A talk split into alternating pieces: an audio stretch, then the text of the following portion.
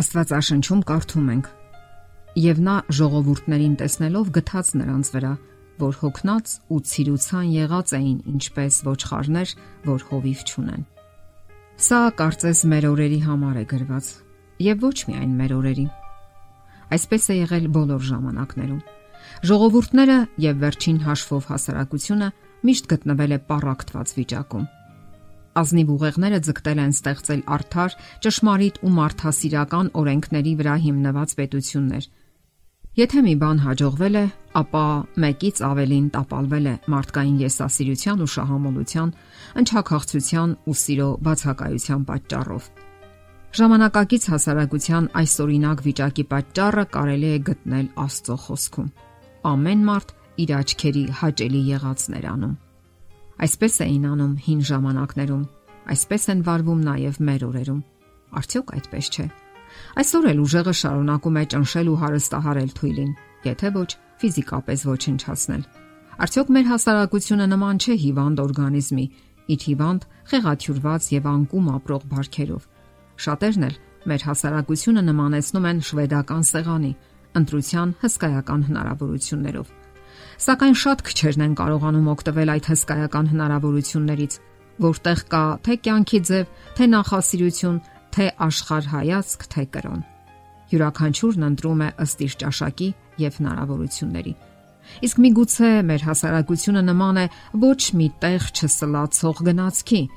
որի ուղևորներին հետաքրքրում է միայն շարժումը եւ ոչ թե վերջնական կանգառը կամ նպատակը մենք սկսել ենք նմանվել այն տագնապահար մրջնանոցին, որի ոչ մի անդամը չգիտե թե ինչ է պատահել, սակայն անհանգիստ այս ու այն կողմ է սլանում։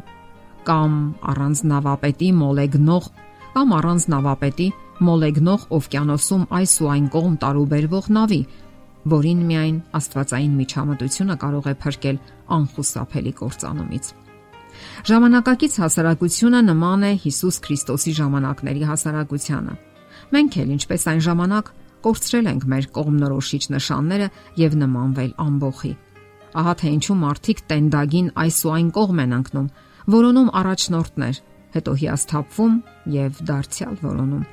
Իսկ միգուցե ժամանակն է հիշելու Հիսուս Քրիստոսին եւ հավերժական կյանքի առաջնորդող նրա խոսքերը։ Ահա ելքը. Հիսուս Քրիստոսը մարդկանց հոգեվոր վերածնունդ է անհրաժեշտ Այսօր դա յուրաքանչյուրն է հասկանում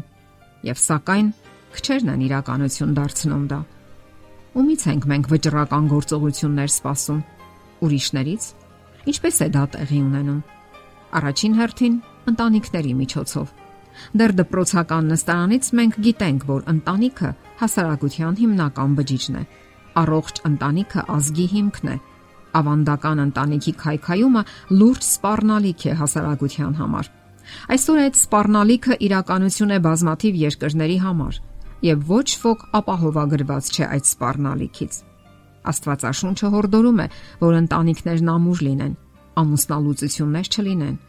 Իսկ քրիստոնյան, հետևելով այդ սկզբունքին, ունենալով երեխաներ, ի վերջո նպաստում է ազգի ժողովրդագրական բարելավմանը։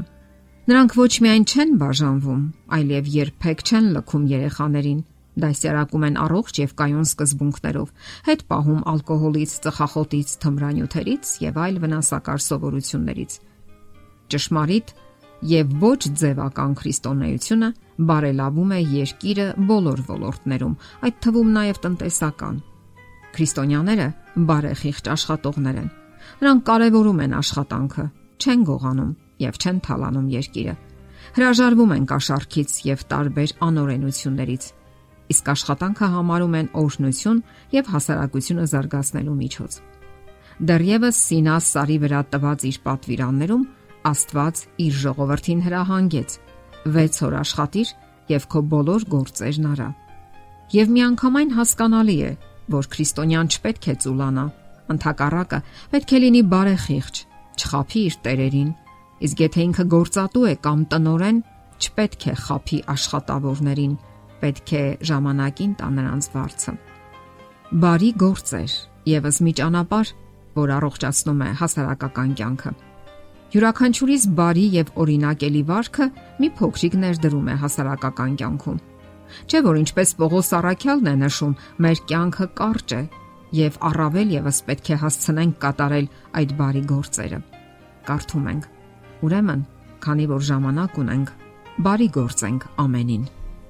Իսկ ժամանակն իսկապես կարճ է։ Շատ մարդիկ սակայն այնպես են ապրում, կարծես դեռ մի հազար տարի ժամանակ ունեն եւ ամեն ինչ կհասցնեն։ Եվ նրանք ապրում են միայնակ ու անշնորհակալ մի կյանք։ Այդպիսի կյանքը զուրկ է շնորհակալության եւ գոհության պատճառած ուրախություններից եւ չի կարգավորում հասարակական կարգը։ Այսօր վստահաբար կարող ենք ասել, որ հասարակական կյանքում լուրջ հիմնախնդիր կա։ Սիրո բացակայություն։ Եթե լիներ անկեղծ սեր դիմացինի հանդեպ, լիովին կթեթևանային մարդկային հարաբերությունները Վիճաբանություններն ու տարաձայնությունները սովորաբար առաջանում են այն ժամանակ, երբ մարդն իրեն անարթարացիորեն վիրավորված է զգում եւ մտածում, որ ոչ ոք իրեն չի սիրում եւ իրեն չեն գնահատում։ Սակայն հիշենք, առաջին քայլը սկսվում է հենց մեզնից, մեր ընտանիքներից։ Հասարակության առաջին ամենակարևոր բջիջը ընտանիքն է։ Այն երեխաները, որոնց մենք դաստիարակում եւ կյանք ենք մտցնում։ Ահա թե ինչպես կարող ենք նպաստել մեր ժամանակի հասարակության առողջացմանը մեր համես ջանքերով։ Այդ պատասխանատվությունը մեզանից յուրաքանչյուրի վրա է։ Եթերում է ղողանջ հավերժության հաղորդաշարը։ Ձեզ հետ է Գեղեցիկ Մարտիրոսյանը։